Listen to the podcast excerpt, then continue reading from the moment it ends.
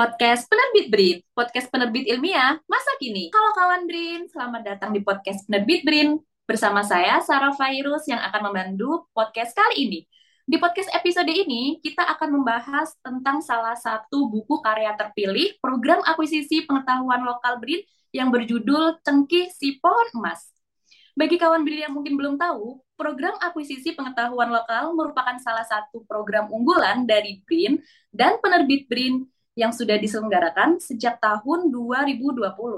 Program ini bertujuan untuk mengenalkan dan meningkatkan pengetahuan publik terhadap kearifan lokal Nusantara. Adapun jenis karya yang diterbitkan dalam program ini adalah karya buku dan audio visual. Tentu saja saat ini saya tidak sendiri karena saya sedang ditemani langsung oleh narasumber kita yaitu penulis dari buku akuisisi Cengkih Si Pohon Emas, Bapak Dian Perdana Sulistia Rosid. Selamat pagi. Bu. Selamat pagi Pak Dian, apa kabar? Ya, alhamdulillah sehat, Mbak. Oke, sebelum saya membacakan profil Pak Dian lebih lanjut, boleh Pak Dian memperkenalkan diri terlebih dahulu secara singkat kepada kawan BIN, Pak. Silahkan. Ya, baik. Eh, selamat pagi eh, kawan-kawan BRIN semua ya. Jadi perkenalkan nama saya Dian Perdana Sulistia Rosid. Panjang namanya punya tak saya borong sendiri ya Mbak ya. Iya. Ya panggilannya Dian Mbak. Ya jadi sehari-hari uh, saya guru guru SD uh, 12 tahun. Jadi sejak tahun 2010 uh, guru SD di salah satu SD di Boyolali, ya, tepatnya di Kecamatan Selo. SD-nya dulu Taruh Batang. 12 tahun jadi di sana. Kemudian per Juli kemarin menjadi kepala sekolah di SD yang lain, jadi SD yang baru. Sekarang saya di SD Bakulan. Nah, selain mengajar, saya punya hobi yaitu menggambar dan eh, apa ya, menulis lah, menulis buku-buku cerita. Nah, nanti eh, kita akan cerita lebih banyak lagi. Mungkin itu dulu, Bu, Mbak dari saya. Luar biasa ya. Nah, uh, Pak Dian ini memiliki nama lengkap Dian Perdana Sulistyo Rosid, lahir di Boyolali tahun 1979, menyelesaikan kuliah dan mendapatkan gelar sarjana pendidikan pada tahun 2015 di jurusan Pendidikan Guru Sekolah Dasar Universitas Terbuka. Nah, benar banget Pak Dian ini memang mempunyai hobi menggambar dan menulis sejak duduk di bangku sekolah dasar. Sangat konsisten ya kawan-kawan. Jadi um, sampai saat ini banyak buku yang telah beliau tulis dan terbitkan juga. Nggak hanya itu kawan Brin, Beberapa prestasi yang telah ditorehkan selama menjadi guru, antara lain juara dua lomba bahan ajar berbantuan komputer BPTIKP 2013, juara dua lomba multimedia pembelajaran interaktif Dinas Provinsi Pendidikan Jateng 2013, juara dua lomba inovasi pembelajaran UNY 2015, dan juara pertama anugerah konstitusi guru PKN Mahkamah Konstitusi 2017. Luar biasa sekali ya Pak Dian ini ternyata banyak banget uh, prestasi selalu menang lomba terkait menulis buku juga. Oh, hebat. Jadi nggak sabar nih mau ngobrol-ngobrol langsung nih sama Pak Dian terkait buku Cengkih si Pohon Emas. Nah, Pak Dian, boleh dijelasin nggak Pak, kenapa cengkih ini bisa dijuluki si pohon emas? Oh, oke okay, oke okay, Mbak. Aduh, jadi malu ya tadi banyak sekali yang di, dibacakan oleh ya, ya itu semua karena hobi, Mbak. Jadi hobi saya dulu uh, kan menggambar ya. Jadi ternyata menggambar itu bisa dijadikan media pembelajaran. Nah, begitu saya ikut lombakan dari gambar menjadi sebuah aplikasi, dari gambar menjadi komik, itu ternyata uh, bisa dilombakan, Mbak. Jadi ada beberapa uh, diapresiasi sebagai kejuaraan itu bonus, ya, bonus. Uh, tapi di awal memang itu sebuah media pembelajaran. Nah, terkait pertanyaan Mbak Aduh, saya lupa namanya Mbak Sarah, uh, Sarah, Sarah ya. Sarah. Oh, Sarah. Mbak Sarah uh, terkait kenapa sih kok si cengkeh ini diberi julukan pohon emas? Kalau kita lihat dari sejarahnya dulu memang cengkeh ini yang menjadi magnet ya, jadi magnet para para bangsa-bangsa di Eropa untuk mencari itu uh, cengkeh ini adalah suatu apa namanya eh, bahan baru ya bagi mereka ya rempah bagi mereka yang ternyata itu sangat diminati di Eropa. Nah, tetapi yang sekarang-sekarang ini ya, sejak tahun 98 ke sini itu memang cengkeh ini bisa dikatakan sebagai penopang ekonomi di daerah-daerah yang memang memiliki eh, pohon-pohon cengkeh di di lingkungannya. Nah, termasuk di Boyolali itu Mbak. Jadi sejak tahun 98 itu banyak sekali uh, orang kaya orang kaya baru yang mempunyai banyak sekali pohon cengkeh di kebunnya itu ternyata hasilnya bagus ya dibanding kenapa saya katakan 98 karena memang sebelum 98 harganya belum sebaik sekarang itu. Nah, itu disebut dengan uh, si pohon emas nah, karena memang cengkeh ini perawatannya minim perawatan tetapi hasilnya lumayan. Nah, sebagai tanaman tahunan, ibaratnya kalau orang Jawa itu tidak usah diberi perawatan khusus, tapi setiap tahun dia menghasilkan yang hasilnya lumayan. Nah, untuk ide ceritanya sendiri, uh, itu dari pengalaman pribadi atau bagaimana Pak? Kan karena melihat latar belakang dari cerita ini kan juga di Boyolali, sedangkan Bapak juga tinggal di Boyolali tuh. Oke, oke Mbak Sarah. Jadi kalau ide ceritanya memang agak panjang nih kalau saya cerita Mbak Farah. Jadi uh, gini Mbak Sarah, saya itu kan tinggalnya di Boyolali kota nih. Nah setiap hari kalau saya ngajar itu uh, butuh 25 kilo naik ke Gunung Merbabu. Nah itu saya sama istri, istri saya ada di kecamatan yang berbeda. Istri saya di kecamatan Cepogo, saya di Selon. Nah, setiap hari naik turun gunung itu uh, jarak sekolah saya dengan istri saya itu hanya 3 kilo. Nah, di sekolah istri saya itu uh, di halaman dan di kebun belakang sekolah ditanami pohon cengkeh. Banyak pohon cengkehnya mungkin ada 20-an ya. 20-an. Nah, tetapi kalau saya di sekolah saya, ya ada beberapa pohon di sana berbunga. Ya, karena memang mungkin lebih tinggi ya di sana. Jadi, cuacanya tidak mendukung. Tapi kalau di sekolahnya istri saya tuh pohonnya uh, bunganya banyak. Dan setiap tahun hasil dari cengkeh tersebut bisa eh, bisa menghasilkan sebagai tambahan atau pendapatan asli sekolah. Ya, bisa digunakan tambahan perbaikan sarpras dan seterusnya untuk kegiatan pembelajaran. Dan ternyata hasilnya lumayan. Setiap pohon itu bisa menghasilkan 3 kiloan. Jadi kalau dikalikan berapa puluh pohon itu ya lumayan lah bisa antara 5 sampai 10 juta tergantung harga pada saat itu. Lumayan sekali setiap tahun sekolahan tidak ngapa-ngapain hanya mungkin melakukan pemupukan setahun sekali setiap uh, tahunnya bisa mendapatkan hasil seperti itu. Nah dari sana cerita ini bermula gitu. Oh gimana ya ini kalau cengkeh ini biar bisa uh, apa namanya cerita tentang cengkeh latar belakangnya seperti apa itu biar bisa di, diceritakan kepada peserta didik kita dengan um, membuat komik. Jadi mereka kan lebih senang nih uh, bacaannya berupa gambar begitu.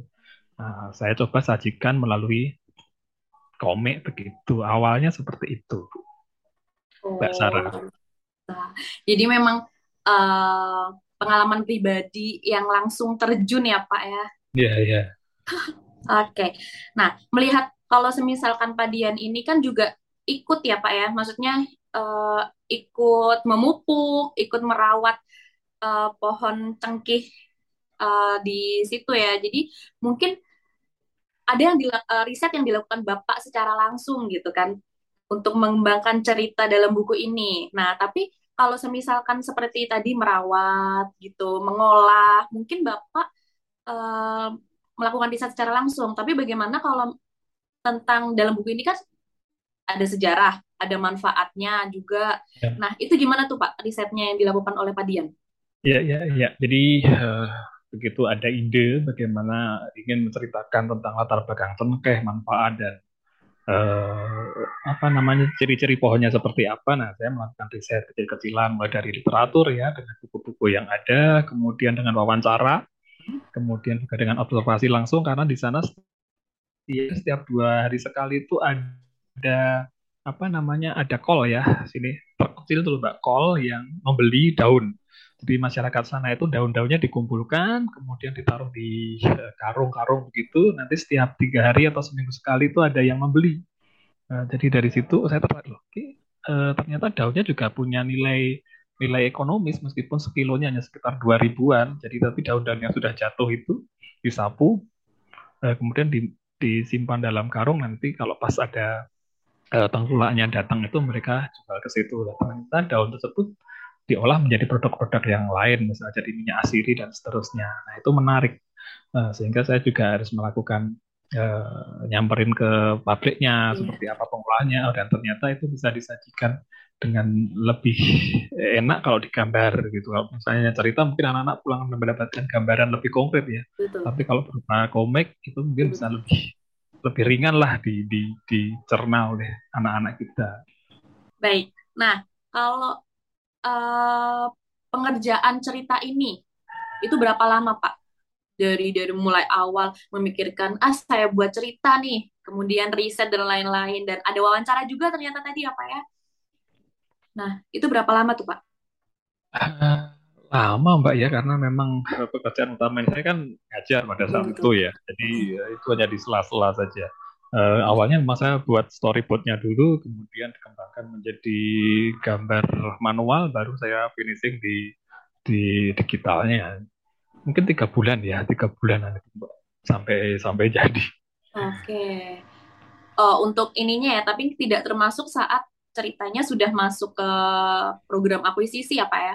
Ya, belum, belum, belum sampai masuk akuisisi. Jadi eh, awalnya memang itu tidak untuk akuisisi ini ya Brin ya karena memang sebagai tuntutan guru kan ada pengembangan keprofesian berkelanjutan namanya Pak. Jadi setiap guru itu kalau mau naik tingkat, naik pangkat itu harus membuat publikasi ilmiah dan karya ilmiah. Nah, salah satu hmm. karena saya passionnya di komik atau di cergam, nah saya buat itu untuk sebagai tambahan nilai. Nah, ternyata pas ada kegiatan akuisisi ini ya sudahlah sekalian saya saya tawarkan ke akuisisi gitu di print oh. ternyata bisa diterima gitu awalnya jadi memang tidak mengkhususkan untuk ini tapi ternyata ternyata bisa disambut baik ini ya luar biasa sekali sih saya merasa bangga betul betul gitu. niat awalnya tidak untuk mengejar sesuatu yang ya, ya. ada benefitnya lebih ya.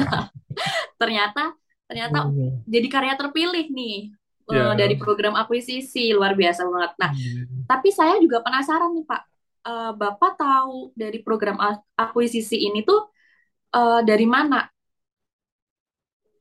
Pertama ada temen ya temen. Jadi kalau ada kegiatan-kegiatan apa ya dulu ya saya ketemu teman tuh di lomba apa ya lomba komik ya dulu ada lomba komik. Saya pernah buat lomba komik pembelajaran. Saya buat topeng ireng pada saat itu yang uh, di salah satu buku saya ada judulnya topeng ireng. Nah dari teman itu ada ini coba ikut ini gitu ada program akuisisi yang kalau misalnya bapak uh, punya karya bisa ditawarkan di sana gitu. oh iya saya buka-buka itu dan saya coba. Di awal dulu pernah tahun-tahun kemarin saya ikut tapi tidak lolos. Tapi tahun ini alhamdulillah dengan cengkeh ini si pohon emas ternyata tidak hanya pohonnya yang yang uh, bernilai ekonomis ternyata dibuat uh, komik pun ada nilai ekonomis betul betul. Gitu oke jadi nah. memang kalau misalkan kita dapat informasi coba aja dulu gitu ya pak ya oke nah kalau kesan padian setelah mengikuti program akuisisi pengetahuan lokal ini uh, apa itu bagaimana tuh Pak? Terus juga gimana? Ada pesan nggak gitu buat kawan Din lainnya yang mungkin ingin mengikuti jejak Pak Dian? Jadi biar nanti uh, semisalkan kawan Din ini ada punya pengalaman seperti Pak Dian, uh, saya ini sebenarnya nggak nggak ada mau untuk ikut program akuisisi, tapi saya punya bahan nih gitu hmm. buat ngirimin karyanya ke program akuisisi. Ya ya ya. Uh, kesannya kesannya yaitu saya merasa senang mbak semangat ya tentu saja ternyata uh, karya-karya kita mendapatkan apresiasi terutama dari BRIN ya yang uh, semula memang tujuannya tidak di sana tetapi ternyata bisa uh, diapresiasi dan tentu saja ini membuat uh, saya pribadi lebih semangat nih apa yang perlu kita bisa gali nih tentang pengetahuan lokal yang mungkin hanya diketahui orang-orang sekitar Boyolali tapi bisa dinasionalkan. Eh, Misalnya eh, mungkin di daerah-daerah pegunungan ini ada kegiatan tungguk bako ya. Tungguk tembakau itu adalah kegiatan saat panen raya tembakau, kemudian ada acara sadranan itu mungkin apa namanya eh, tradisi-tradisi lokal yang mungkin bisa digali kemudian disajikan di dalam bentuk apa pun ya karya tulis atau komik dan sebagainya bisa ditawarkan lagi. Eh, itu menambah semangat saya terutama untuk diri saya. Kalau untuk teman-teman bin yang lain ya uh, cobalah kita tengok di lingkungan sekitar mungkin ada sesuatu yang menarik ya tentang kegiatan yang sifatnya uh, tradisi lokal yang bisa kita sajikan, kita sampaikan kepada masyarakat yang lebih luas. Mungkin saat ini masih ada tradisi tersebut, tapi mungkin beberapa puluh tahun yang akan datang sudah hilang.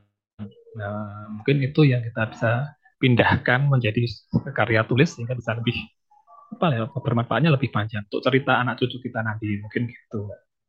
Betul betul Pak. Ya. Saya setuju soal itu. Tapi memang benar sekali kalau cengkih ini tuh kan uh, tapi kalau saya pribadi sebenarnya saya agak jarang untuk menemukan cengkih di beberapa makanan ya Pak. Tapi kalau saya waktu kecil memang benar. Kalau hmm. misalkan cengkih itu tuh saya suka banget tuh Pak memang benar seperti Ayu di karakter ya. karakter Ayu ya di ya. apa buku cerita cengkih sifon emas ini dia menemukan cengkih ada di kolak pisang. Nah itu saya nah. juga suka banget tuh. Hmm. Sama di nastar itu tuh Nah, kan dia punya aroma sendiri ya, Mbak ya. Betul. Ada rasa sendiri.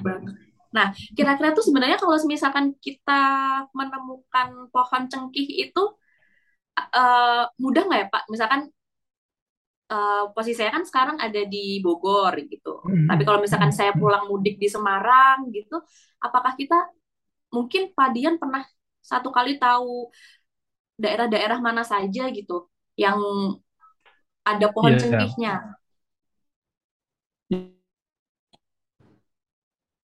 Iya, iya, ya. tidak di semua daerah bisa kita temukan ya, Bu uh, Mbak. Sarah ya. Ada daerah-daerah yang memang mungkin secara struktur tanahnya, kemudian ketinggiannya dan uh, suhu curah hujan dan sebagainya itu harus sesuai. Nah, sama oh. seperti yang di awal di awal saya cerita di uh, sekolah istri saya tuh bisa tumbuh baik dan ber, berbunga lebat, tetapi begitu agak naik lagi di daerah uh, lereng merbabu yang lebih atas itu bisa tumbuh tetapi tidak mau berbunga. Jadi ternyata ketinggian itu juga mempengaruhi suhu juga pengaruh, curah hujan juga pengaruh. Terlalu ke lagi Boyolali yang bagian bawah yang sudah mulai panas itu pun juga tidak tidak uh, tumbuhnya tidak baik atau bisa tumbuh tetapi tidak lagi berbunga. Dan akhir-akhir ini pohon-pohon itu kemarin banyak teman yang cerita uh, pada mati tiba-tiba rontok semua dan pohonnya langsung uh, kering dan mati. Nggak tahu ini karena perubahan iklim atau gimana tapi masih masih dalam pada cerita-cerita. Termasuk yang di sekolah sekolah yang setahun yang lalu saya pas pembuat ini masih subur-suburnya Ya. Kemarin saya uh, dapat kabar bahwa mati semua itu Pak yang ada di halaman sekolah itu. Semua pohon mati. Semua gitu, pohon. Iya. Oh, ya, karena memang Untung, memang kalau ya. misalkan cengkih itu kan nggak apa seperti yang saya dapat informasi harus 10 tahun dulu nunggu buat bisa berbunga ya Pak ya. Jadi Iya, ya ini memang 10 15 tahun bisa berbunga optimal maksudnya biar uh, optimal ya satu pohon bisa menghasilkan minimal 3 sampai 5 kilo itu memang nunggu 10 sampai 15 tahun. Baru seterusnya tinggal perawatannya seperti apa. Kalau oh, benar okay. meteknya, kemudian benar pememukannya bisa bisa lebat terus tiap tahun begitu Bu. Mbak Sarah. Berarti memang memang kita nggak bisa dengan mudah menemukan ya. Ada uh, ada banyak faktor yang mempengaruhi si pohon ini tuh Iya. apa namanya tumbuh dengan subur. Ya benar sih Pak ya itulah kenapa, kenapa namanya dijuluki emas. susah ya, ya, ya, karena susah numpunya juga betul betul. Betul betul. Jadi eh, kalau saya pernah juga pas riset itu kan saya juga baca-baca itu memang sudah ada yang di riset di Boyolali juga ada yang riset beberapa kecamatan yang menghasilkan pohon, kemudian pengaruh lingkungannya seperti apa ternyata memang untuk kecamatan-kecamatan